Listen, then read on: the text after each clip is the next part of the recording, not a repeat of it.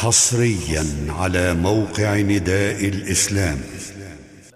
بسم الله الرحمن الرحيم. قل يا أيها الكافرون لا أعبد ما تعبدون ولا أنتم عابدون ما أعبد.